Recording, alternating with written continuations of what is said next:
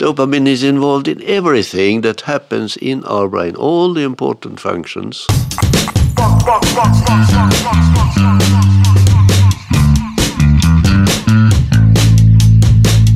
You're listening to Akademiliv, a podcast from Sahlgrenska Academy, the Faculty of Medicine and Health Sciences at the University of Gothenburg.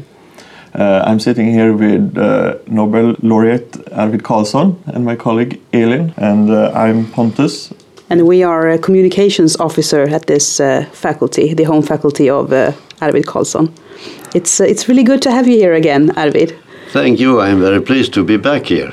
So we we did a podcast with you just before Christmas a few weeks ago in Swedish, but then we realized that uh, it would be so great to to to do one in, in English to um, to widen the audience for this uh, this podcast. Yeah, let me just say I enjoyed it last time, and I'm looking forward to this opportunity also.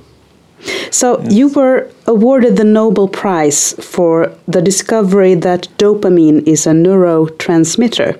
And before your publication in 1957, dopamine was assumed to be just a pre preliminary stage to to noradrenaline. So what what made you think that it was something else, something different? That came to us as a surprise, I must say. We something we stumbled upon we had uh, found that if you give a certain drug that is was used for treating psychosis, reserpine, and then analyze the brain, uh, you will find that uh, noradrenaline disappears from the brain. And um, uh, we then thought and of course, the animals looked uh, rather bad at that time. They they didn't move at all. Their wakefulness was uh, especially very impressive to look at the rabbits and the rabbits' ears and the rabbits' eyes. You could really see the wakefulness, and, and they moved. They moved uh, a, a, lot. But after reserpine, they didn't move. They were lying down that you could put them in all kinds of uh, places, and and uh, they didn't move. And then we thought, now noradrenaline has disappeared. Now we must have noradrenaline back. So we wanted to have it back to the brain, but we couldn't give noradrenaline directly. But there was a a precursor called DOPA and uh, L-DOPA. So we gave L-DOPA to these rabbits, mm-hmm. and they were intravenously, in, within 15 minutes, they were up and running. Very dramatic. So we actually we published that, and um, very quickly, but uh, really perhaps a bit too quickly because we hadn't yet analyzed the brains, because we found, much to our surprise, that these animals that were up and running, following upon refilling noradrenaline, we thought there was still no noradrenaline in the brain. so, and we had sufficient data to be able to say it has to be an amine that has been formed from, from DOPA. And there was only one one could think of, and that was dopamine. So we started to develop methods to analyze this compound dopamine, and and and then the whole story came up. So how was this accepted by the, the research community that dopamine is actually an important neurotransmitter in the brain? They didn't see, they didn't believe this. Uh, they actually, especially at one meeting in London where a Nobel uh, laureate uh, Sir Henry Dale was there they they agreed. I was there to this meeting and talked about these things, but told them about them, and they came to the conclusions, the conclusion that this is a, is a serious mistake. Uh, it's all wrong. We have misunderstood the whole thing we are dealing with. When we give this compound dopa, it uh, what we see is some kind of toxic effect. It has nothing to do with dopamine at all, or any other amine for that matter. So that was how it how it was received mm. to start with. But you kept on this track anyway. Yes, uh, Actually, we were so sure, sure, I and my collaborators, I had very clever collaborators, especially one called Nils Åke Hillarp, very clever man. And he was also at this meeting. So we agreed we, we, will, we will show them, we will prove to them. And what we, we thought was very important was to really be able to see uh, microscopically that uh, these amine, dopamine, and especially dopamine, but also the other amines, they are neurotransmitters. You can, if you can see it in this um, fluorescence, micro, especially fluorescence microscope, you can, if you can visual, visualize uh, these compounds in the fluorescence microscope and be able to see exactly where they are and how in the in the cell bodies, in the in the terminal, in the branches and terminals and so on, then that would help very much to convince people. And we did that, and sure enough, we could mm. demonstrate that very beautifully. But it took almost uh, 50 years for uh, change to happen, because that was how long you. Uh, yes.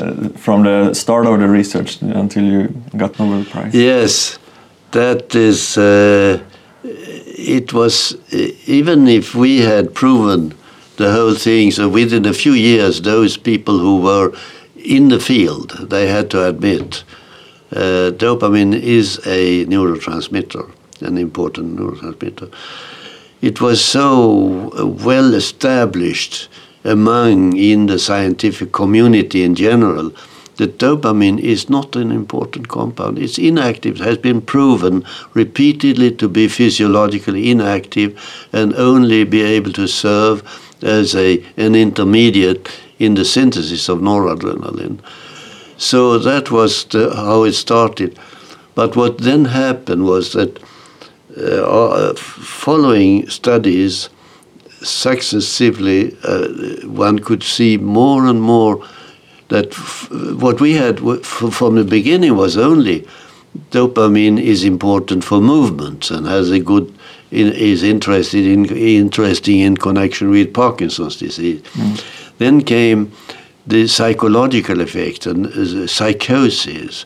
Then, and that was, we, we had studies to show that yes, in psychosis as well, dopamine is important. Mm.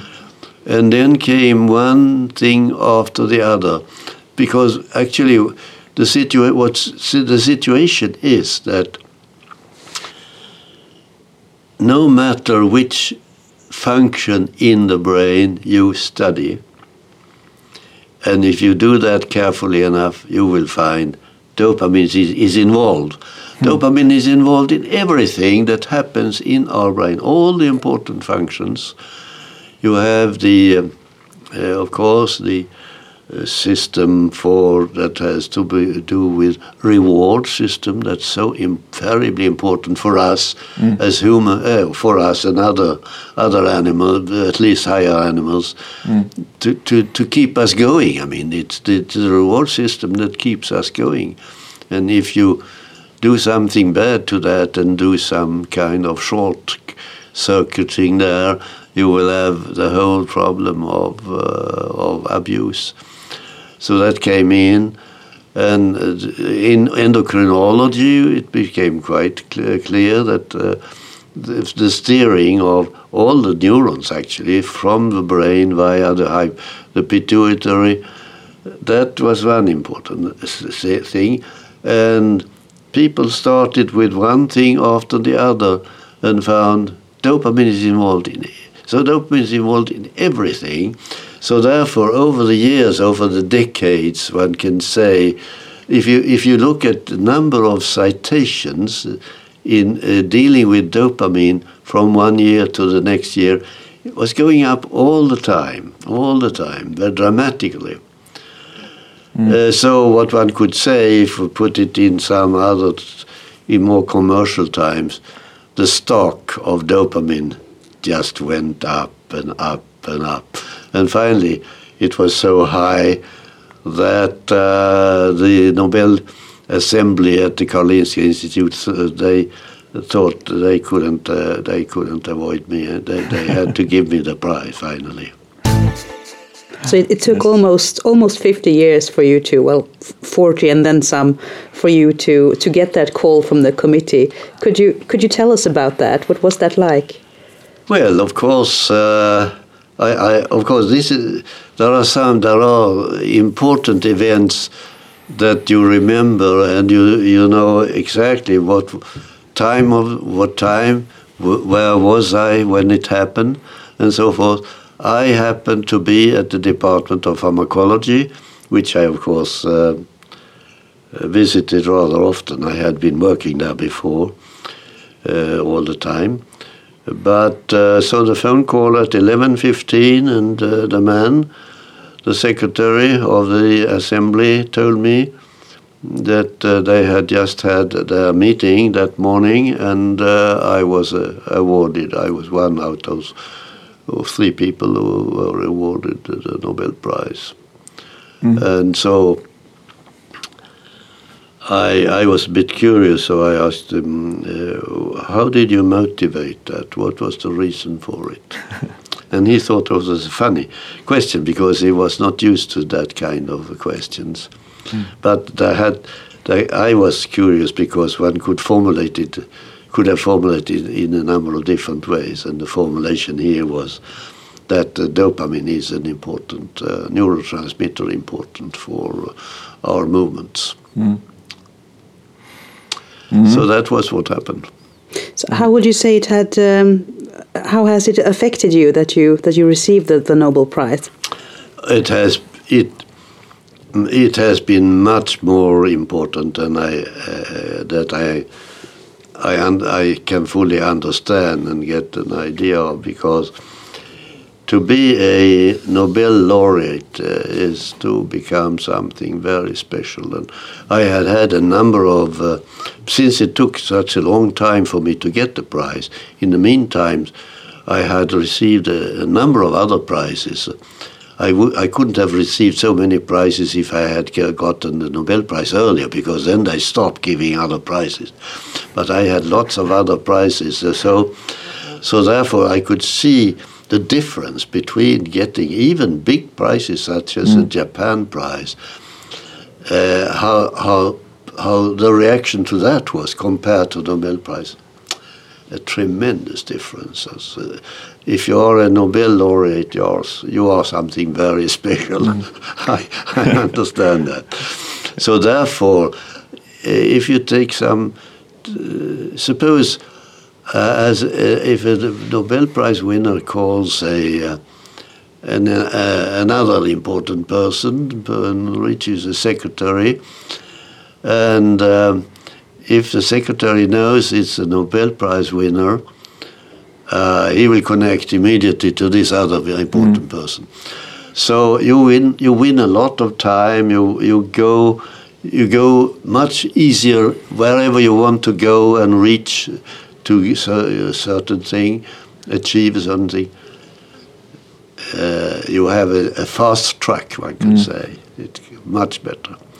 So it's uh, positive, but of course you also have to be a little bit on your guard because to be a, a, a Nobel laureate uh, could be, as a Nobel laureate, you could be useful for others, for, for their purposes. That was not necessarily my purpose. and, and that took a while for me to find out, but I have learned about it. So I know that I have to be a little bit, uh, mm. one has to be a little bit on one's guard. So you have um, you have reached a, a, very respectable age, ninety two, uh, and uh, you're still working on your on your life achievements. So you have uh, you have compared your life work to the to the journey of Odysseus. I read that in in an article, and and um, uh, yet you have said you haven't reached your your Ithaca. I found that uh, picture very uh, vivid. Yes, and also uh, looking back, um, it has been like an odyssey because there have been tremendous uh, discoveries on the road, but of course there are also been uh, happen happen things that have not that have been very unfortunate to me. So I mean, it is a mixture, but altogether, it has been going on like that. But of course, I don't feel I have reached uh, the Ithaca yet uh, because I, and the Ithaca now for me is deals with this particular little molecule that I have been so much involved with for uh, for a decade, a couple of decades, as a matter of fact. So, could you tell us more about this this molecule? What what is it? OSU 6162 is a funny name that it has so far only. It's a small molecule, and it um, it resemb- what it resembles the dopamine molecule a little bit, uh, and in, it, in, in some very important aspects, because what uh, it can do, it, it, can it can cheat, if you wish, the uh, receptor for dopamine. There are dopamine receptors. Dopamine receptors, they are molecules that can recognize dopamine as something very special in individual dopamine. They recognize the uh, dopamine as this particular molecule. But there also, if you change this molecule a little bit, the, this molecule can bind, still bind like dopamine itself, to the receptor. And when it does so, it can do different things. One thing is that it uh, simply sits on the site and thereby prevents dopamine from from getting to to there. To, so it competes with dopamine. It, it can be so important as a competitor, so it can take away all the all the dopamine. So here we have then a receptor without any dopamine, and with the, with and here you are sitting a molecule that cannot activate. Act, dopamine can mm. activate the receptor when it binds. So then you have a blocking agent. Mm. So that is uh, that is actually was the antipsychotic drugs are doing. They are blocking dopamine blocking agents. So why do we do we need another blocking agent? Yes, the, the, the this particular blocking agent is much more is very sophisticated because what it can do it can do uh, it can stabilize the dopamine function. In other words, if you have a high and elevated dopamine function, such as in psychosis, and you give uh, a, a, blocking agent, it will displace dopamine. Uh, so and, and uh, so uh, in psychosis, you have an elevated activity of certain mental functions, uh, so going crazy. And you, if you block, and so that dopamine comes, the dopamine function is coming down, then it can go nicely down to a certain level. On the other hand, if you have a low dopamine function, and you give uh, this particular molecule, you can get the opposite effect. You can you can you can get uh, so and there, so therefore you get the stabilization. The, mm. the, the, the virtue of it is that if you if you look at the present drugs that we have, and, and we need drugs for dopamine, either to reduce dopamine function or elevate, elevate dopamine function. Uh, for example, I mean, in, in psychosis, you need blocking agent. In Parkinson's, you need elevating dopamine, elevating agent, or actually dopamine itself, or some other molecules. Mm. But both of them, both either type of drug that we have at present, have the problem of being unable to control in the sense that you shouldn't go too high. So, or uh, too high if you go up, or you, you, or if you have a blocking agent, to to prevent it from bringing it too far down. Mm. So therefore, you have very serious side effects. You have them of the dopamine, of the Parkinson uh, agents, and you have them with the antipsychotic agent. But you need them because they're serious disorders. Mm.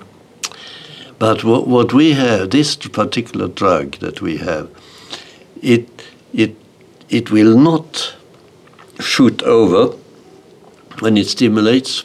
So, I mean, if you start out with a low dopamine function, you give the drug, and dopamine function is coming up nicely, but not above uh, a certain moderate mm. uh, uh, level.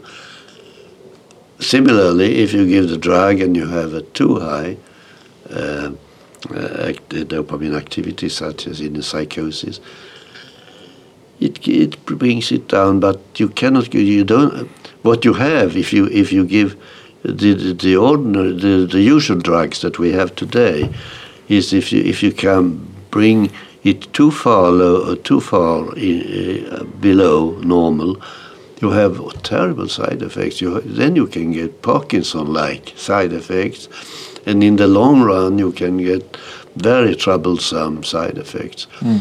So therefore, the, the present drugs are not very useful uh, uh, except for some very serious disorders when we cannot avoid them. Mm.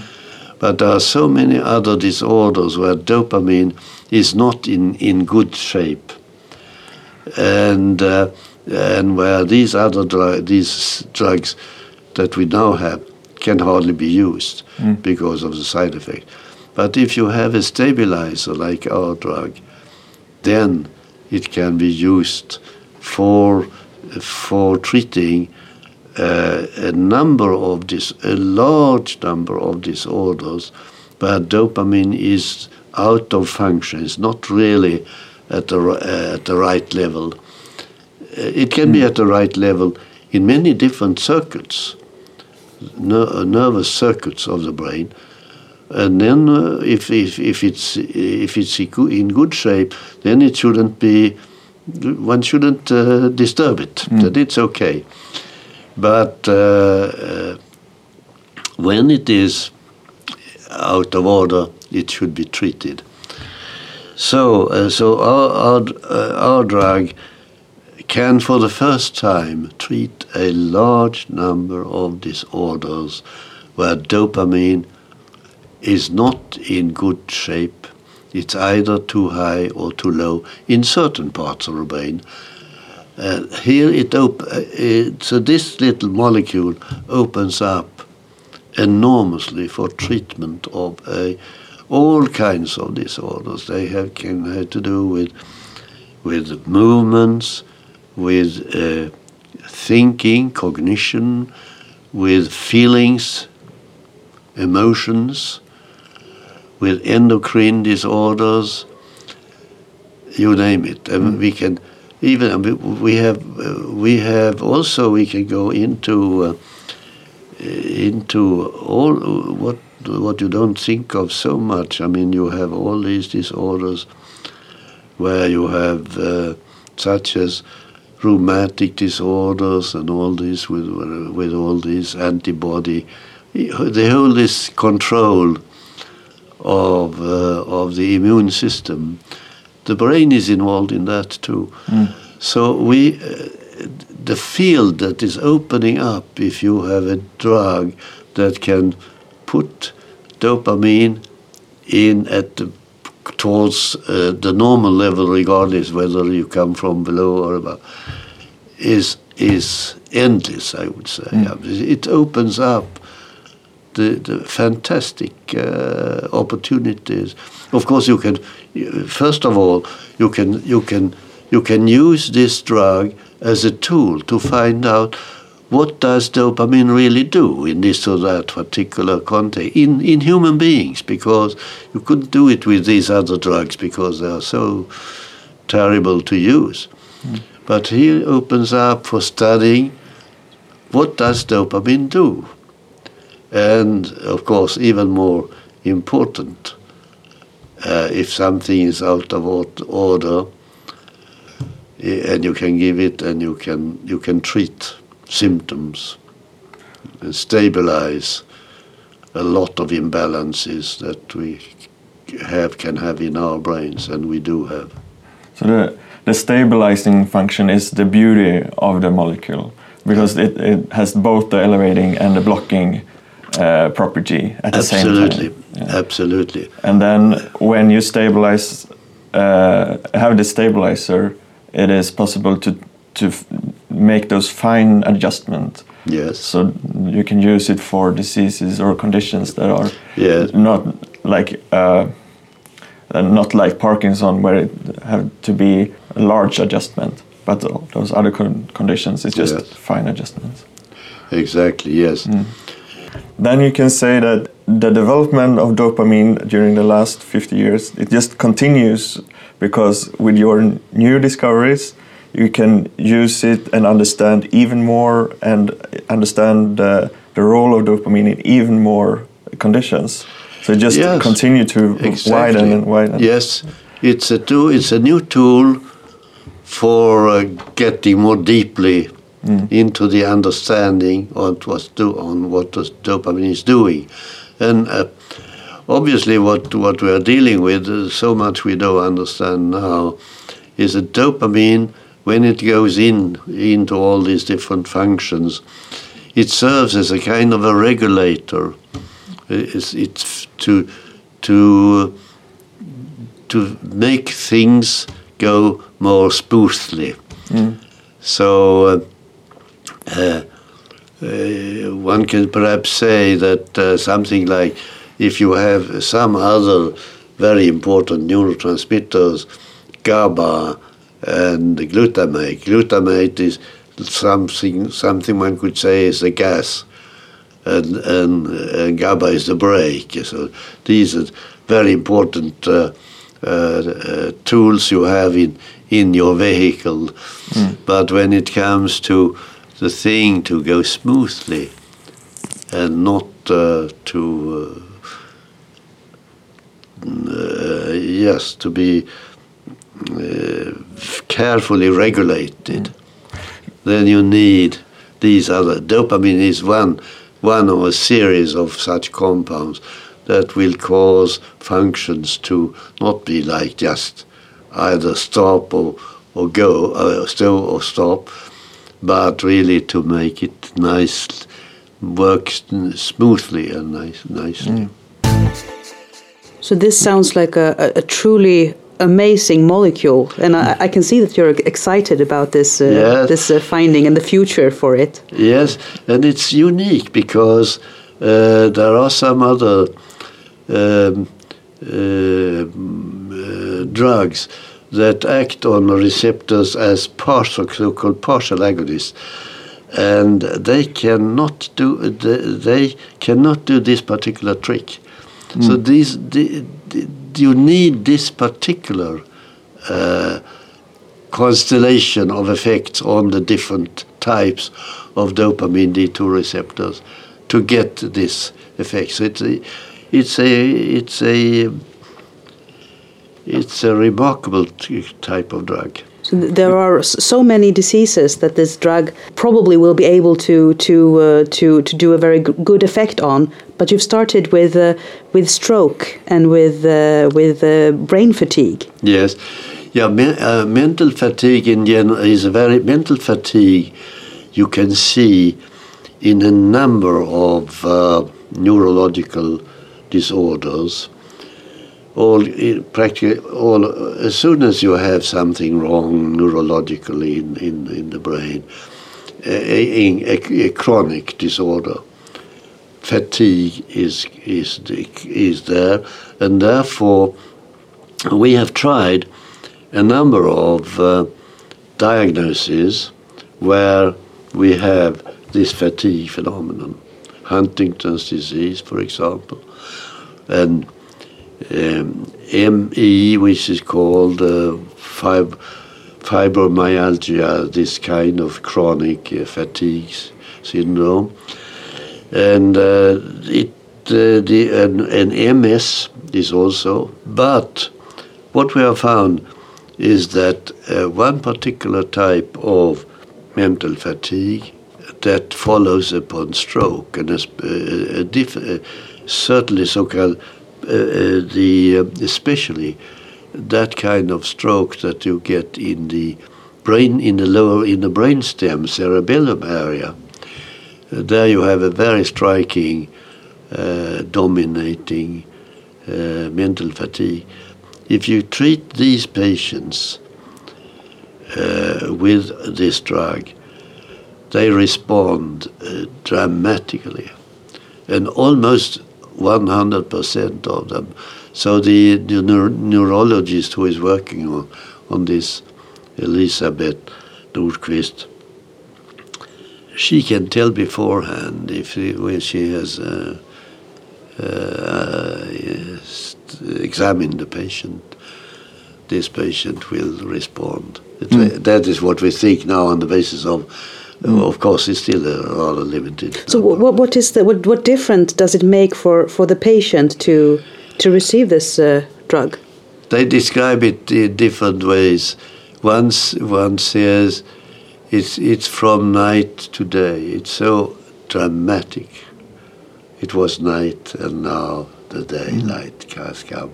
Others say it was no life, now it's life. Hmm.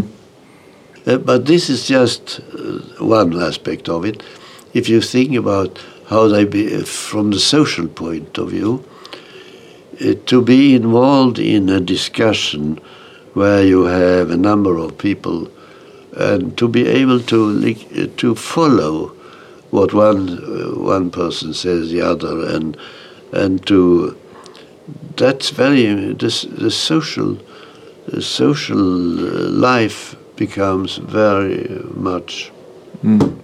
more or less depleted and of course, you, you want to see the end of this, to see to see the, the medical exactly. on the shelves in the pharmacy to be bought by people and, and helping mm. people. Absolutely. So what, and what measures do you take to, to actually, I mean, you are 92 and you have to take care of your health, of course. How do you, do you have a strategy? Yes, I am, I am very careful. I, I, as I look upon it, my, at this time, we have reached so far but not we have not reached the end. So my chief role here is to stay alive. I have to stay alive for some further mm. time mm. in order to reach the final goal. So I, I am very careful with my um, my living. Of mm. course, no alcohol, no smoking. Very careful about sleep and uh, careful about, well, all kinds of kind of recommendations we get about uh, diet and so mm. forth. I am, I am very careful, and also to be stay away from uh, from um, too, too many gathering of people where you can get influ flu or something. So I am I am very very careful. But I I think the most important thing for me to keep going on is the uh, is the motivation is yes. that this is so important for me and uh, and uh, keeps my brain challenged and I, I, I, we need our brains need challenging and at, at, at my age if the challenging stops I will be go down, going down very quickly.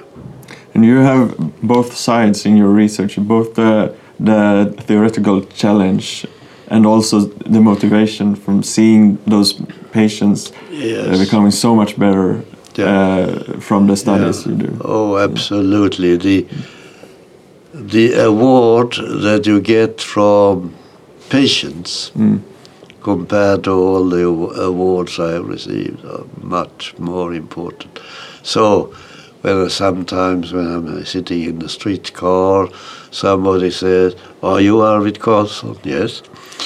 Oh yes, oh yeah. I'm I, I my father he had Parkinson's disease and he it meant so much to him, and that kind of. Mm. Of feedback is enormously important, and uh, it helps my brain to stay, stay to go on for a little bit longer. It will be very, very interesting to, to follow the development of this this new drug, which we hope hope to see uh, on the market in like three years or so. Yes, Mm. Thank you, Arvid Carlsson, for coming and, and, and sharing this with us. and thank you so much. Yeah, thank you for being here. And this was uh, Akademiliv, a podcast from the Sahlgrenska Academy, University of Gothenburg.